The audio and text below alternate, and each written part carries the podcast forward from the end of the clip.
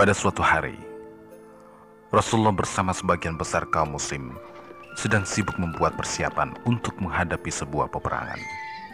Suatu pertempuran yang kelak dinamakan Perang Uhud.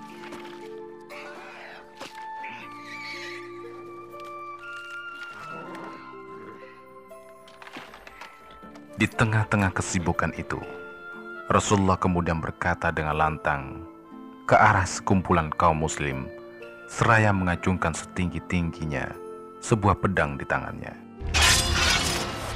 Wahai kaum muslimin, siapakah di antara kalian yang sanggup menggunakan pedang ini? Pandangan matanya menyapu segenap wajah kaum muslim yang berada di hadapannya. Jika di antara kalian ada yang berminat, aku berharap agar kalian dapat memanfaatkan sesuai dengan syariat agama kita atau sejalan dengan kewajiban yang harus dipenuhi.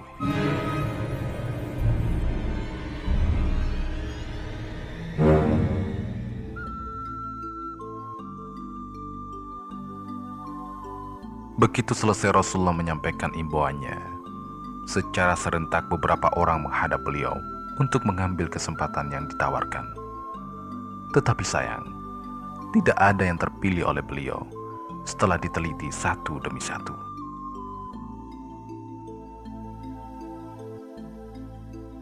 Melihat keadaan itu, seorang yang dikenal bernama Abu Dujana Simar bin Kharasha menghampiri Rasulullah setelah diperhatikan oleh Rasulullah beberapa lama, dengan senyum di bibirnya, sebilah pedang itu pun diarahkan Rasulullah kepadanya.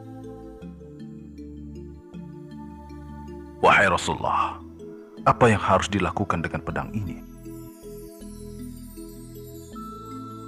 Demikian tanya Abu Dujana Simar bin Khorasa, seraya menerima pedang itu dengan kedua belah tangannya.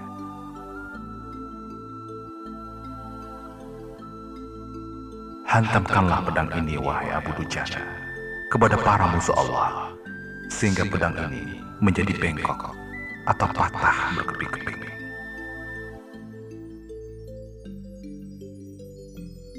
Baiklah, wahai Rasulullah. Insya Allah, saya akan melakukan apa yang telah Anda katakan.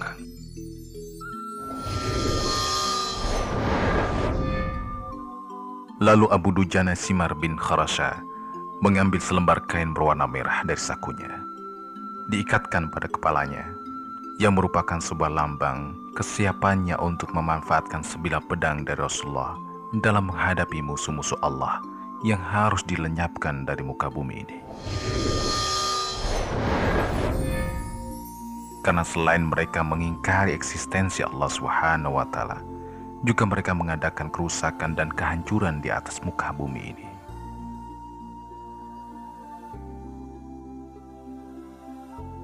Tidak beberapa lama kemudian, musuh-musuh Allah pun datang menyerang dari arah yang memang telah diperkirakan.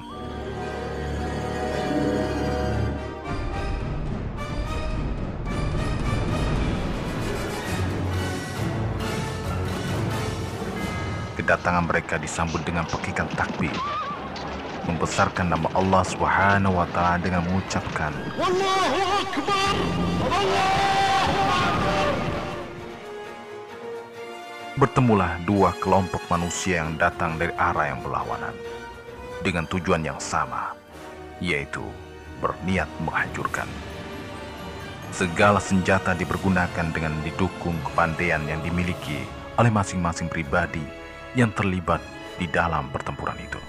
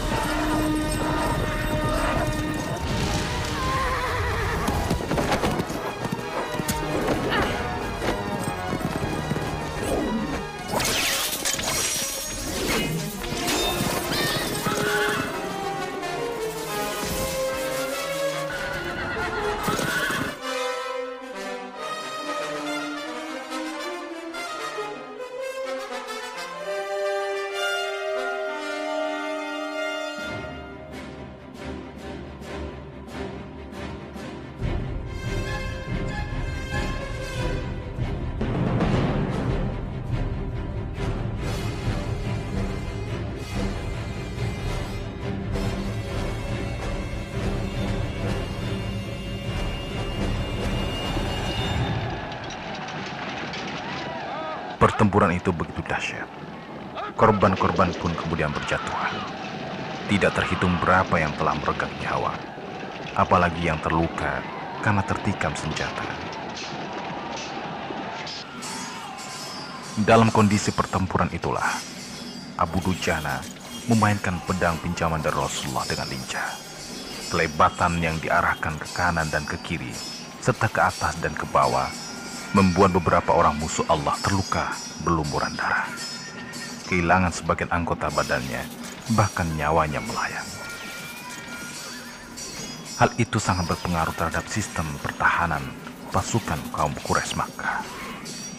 Pasukan Quraisy menjadi porak-poranda dan banyak di antara mereka yang kemudian lari tunggang langgang. Proses itu terus berlanjut, sehingga secara perlahan tetapi pasti, pasukan kaum muslim yang dipimpin oleh Rasulullah mempunyai posisi di atas angin dan berpeluang untuk tampil sebagai pemenang. Padahal kekuatan di antara keduanya sangat jauh dari seimbang.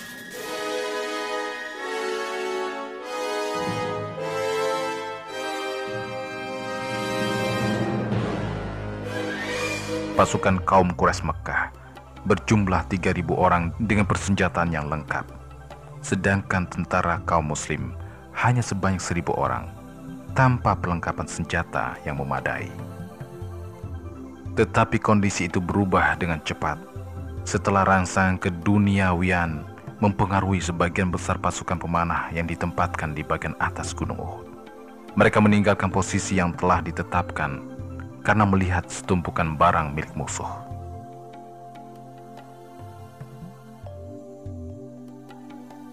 Musuh yang telah berhasil diporak-porandakan dan telah pergi meninggalkan medan pertempuran dengan gerakan yang cepat berbalik kembali menghatam pasukan kaum muslim dan berhasil membunuh para pejuang besar dengan jumlah yang tidak sedikit.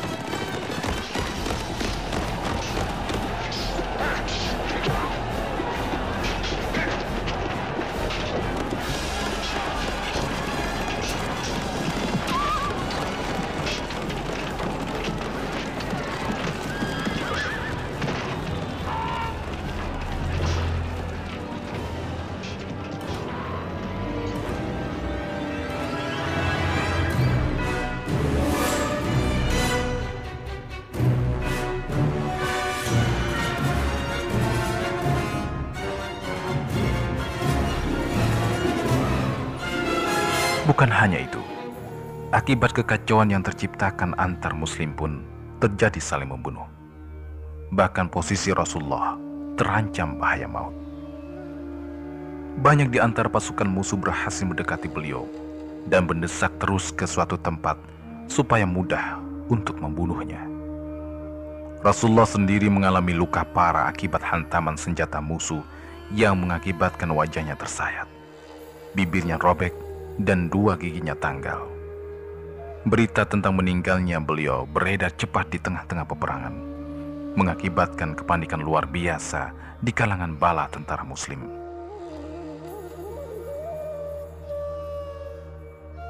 Begitu bernapsunya sebagian tentara kaum Quraisy untuk membunuh Rasulullah ketika melihat kondisi dan posisi beliau semacam itu.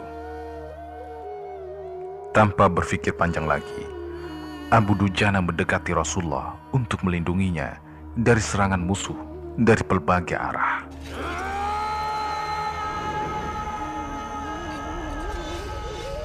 Dengan menggunakan sebilah pedang Rasulullah, ia mengamuk bagikan banteng yang terluka.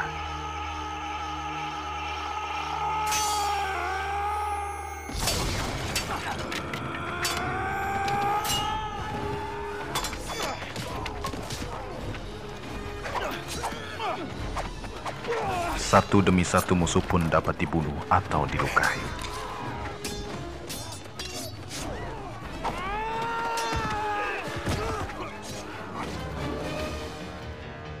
ketika menghindarkan diri dari kejaran beberapa orang pasukan musuh Allah. Rasulullah pergi ke sebelah atas gunung Uhud. Sementara Abu Dujana melindungi beliau dari sasaran anak-anak panah.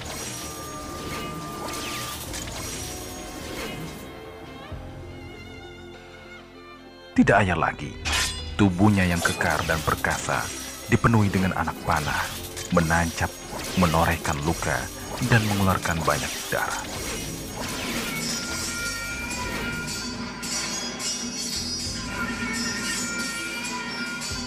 Kondisi yang dihadapi oleh Abu Dujana tidak membuatnya lemah dalam melindungi Rasulullah. Semangatnya bahkan kian menggebu-gebu. Ditebasnya berulang-ulang tubuh-tubuh yang mencoba mendekati Rasulullah. Ia melindungi Rasulullah sampai mencapai tempat yang aman dan musuh-musuh tidak lagi mengejar-ngejarnya.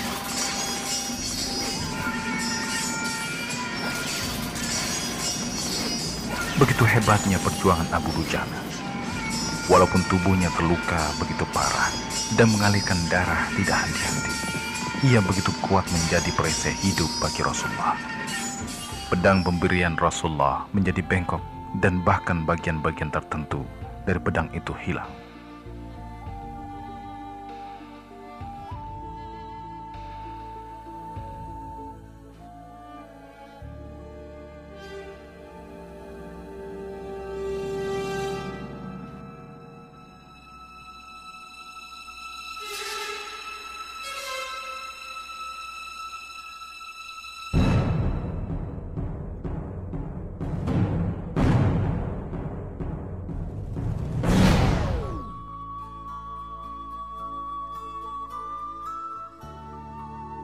Rasulullah, ini adalah pedang yang telah Tuhan titipkan kepada saya. Kini saya kembalikan kepada Tuhan. Setelah saya pergunakan dalam pertempuran yang baru saja selesai. Mudah-mudahan ini sesuai dengan harapan Anda ya Rasulullah.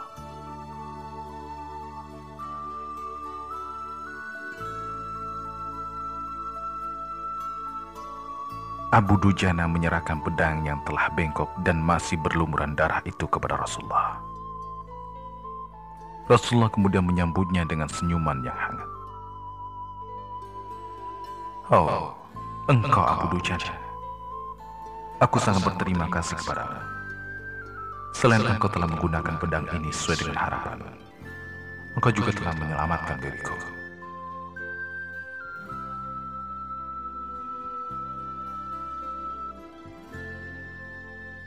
Itulah Abu Dujana, seseorang yang tidak begitu dikenal, tetapi ia mampu berbuat sesuatu yang luar biasa. Ia berhasil melindungi Rasulullah dari ancaman kematian musuh-musuh Allah dengan membiarkan dirinya menjadi sasaran empuk pedang-pedang dan tombak-tombak musuh serta anak-anak panahnya.